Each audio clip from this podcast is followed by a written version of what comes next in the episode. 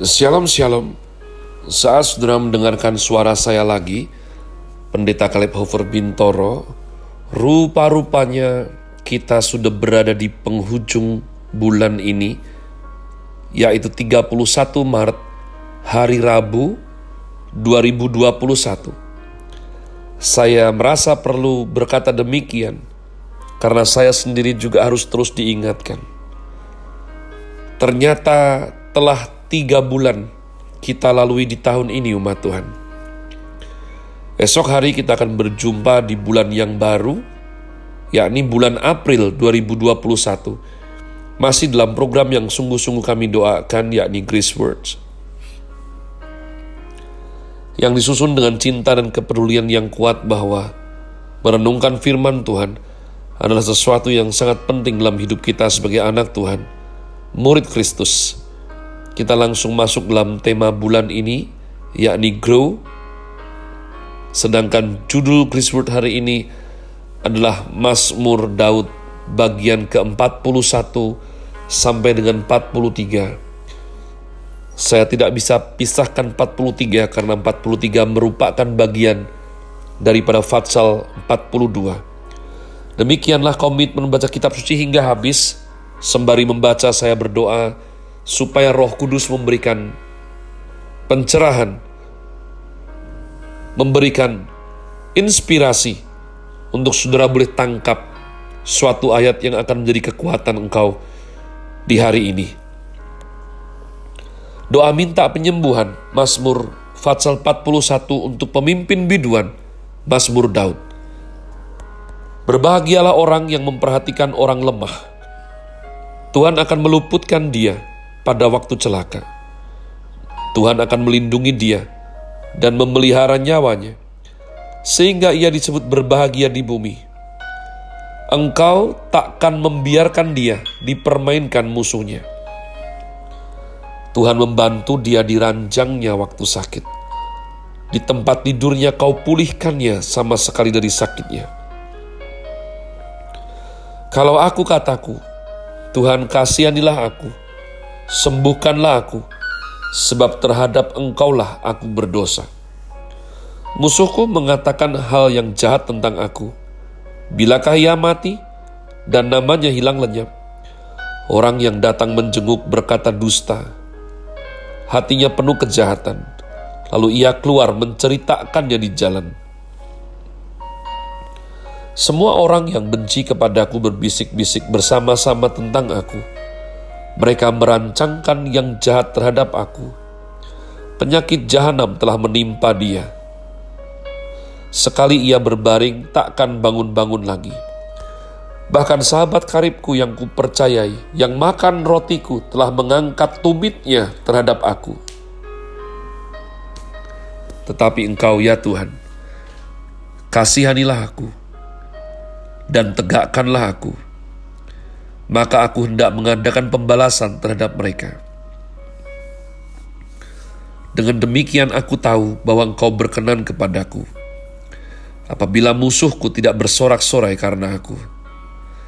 Tetapi aku, engkau menopang aku karena ketulusanku. Engkau membuat aku tegak di hadapanmu untuk selama-lamanya. Terpujilah Tuhan Allah Israel, dari selama-lamanya sampai selama-lamanya. Amin. Ya amin. Fatsal 42 kerinduan kepada Allah untuk pemimpin biduan, nyanyian pengajaran Bani Korah. Seperti rusa yang merindukan sungai yang berair, demikianlah jiwaku merindukan engkau ya Allah. Jiwaku haus kepada Allah, kepada Allah yang hidup. Bilakah aku boleh datang melihat Allah? Air mataku menjadi makananku siang dan malam. Karena sepanjang hari orang berkata kepadaku, di mana Allahmu?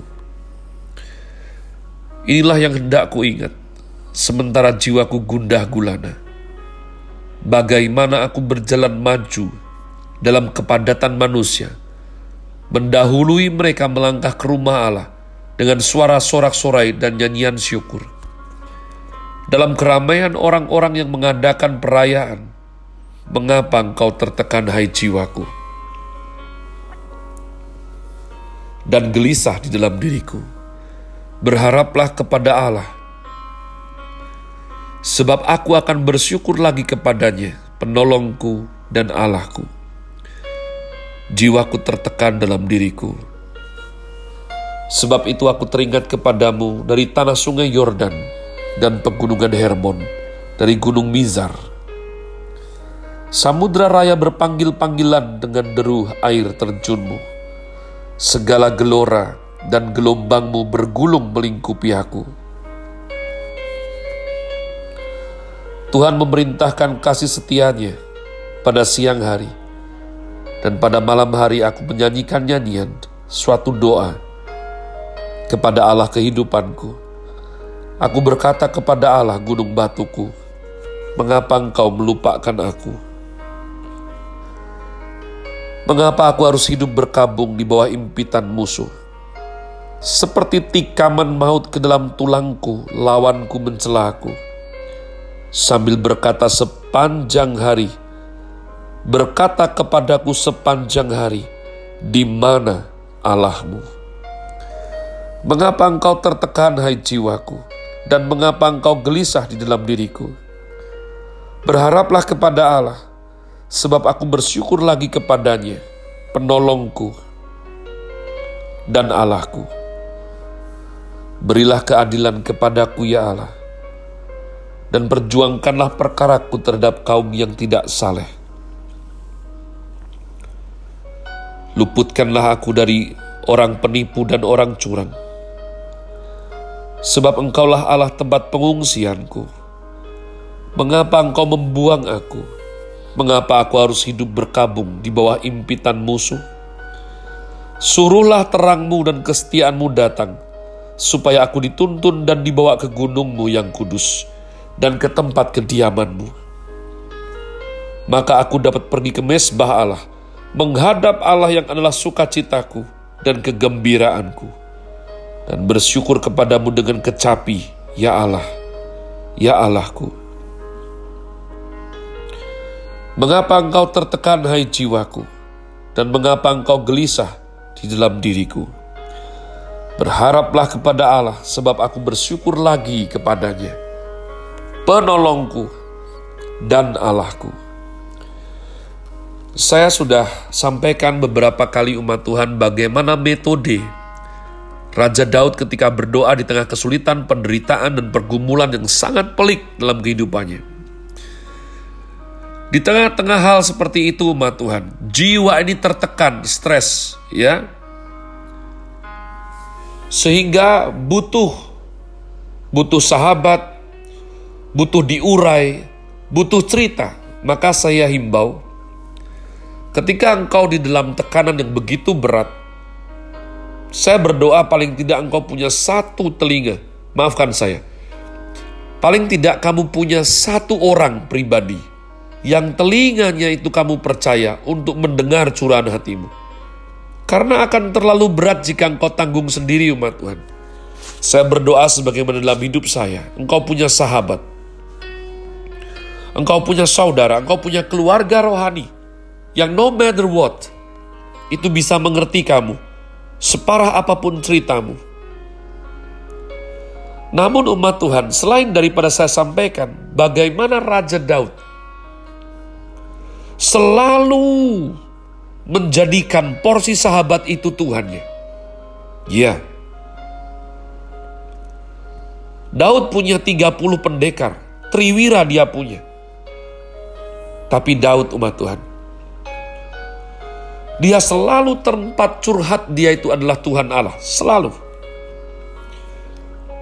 Pada waktu kita membaca Mazmur, kita melihat bahwa dia bercakap-cakap dengan Tuhan itu sungguh-sungguh seperti seorang sahabat kepada sahabatnya. Ini adalah sesuatu yang indah sekali.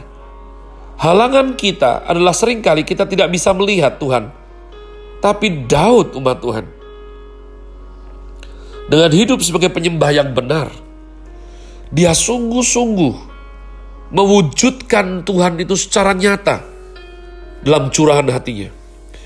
Namun dalam tempo yang singkat ini ada yang hal yang kedua yang menarik sekali. Sudah engkau berulang kali temukan frase yang indah ini dalam Fatsat 42 maupun 43. Daud berbicara kepada jiwanya sendiri. Daud mendidik jiwanya umat Tuhan. Jadi inilah uniknya manusia sebagai satu-satunya makhluk yang diciptakan dengan hati nurani. Maka hanya manusia, pohon tidak, hewan tidak, hanya manusia yang bisa bercakap-cakap dengan jiwanya sendiri. Kau coba umat Tuhan. Seringkali justru malah jiwamu ya yang mengintimidasi saudara ya. Aduh kok aku gendut. Aduh kok aku kurang ini, kurang itu. Aduh kok seperti ini. Tidakkah kamu ingat dendam kita kepada orang itu? Umat Tuhan, rupa-rupanya jiwa itu harus kita didik. Jadi setelah kita connect dengan Tuhan, Tuhan itu bukan hanya agamawi, tapi pribadi sungguh-sungguh ada yang bisa kita ajak bercakap-cakap. Namun yang kedua adalah dengan sengaja kita didik jiwa kita. Kita arahkan jiwa kita. Sehingga dengan Injil firman Allah dan kuat kuasa roh kudus, kita rapikan jiwa kita. Jiwaku haus kepada Allah Bolehkah aku datang melihat Allah? Air mataku jadi makananku siang dan malam. Mengapa engkau tertekan, wahai jiwaku? Terus Daud tanya, Eh, mengapa engkau tertekan, hai jiwaku? Ayat 5, ayat 11, dan Fatsal 43. Kenapa gelisah dalam diriku? Berharaplah kepada Allah. Bersyukurlah kepadanya dia penolong dan Allahku. Umat Tuhan, kalau jiwamu tidak kamu didik, maka tanpa sadar dunia ini akan membentuk jiwamu.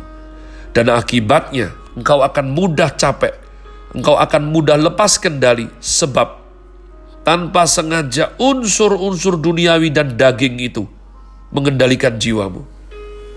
Raja Daud mengajarkan suatu rahasia hidup yang begitu hebat luar biasa.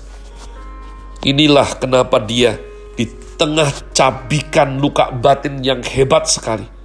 Pengkhianatan anak kandung yakni Absalom. Sahabatnya Yoab. Dan semua yang tidak mudah dalam hidupnya. Daud sehat jiwanya. Dia didik jiwanya dalam hadirat Tuhan.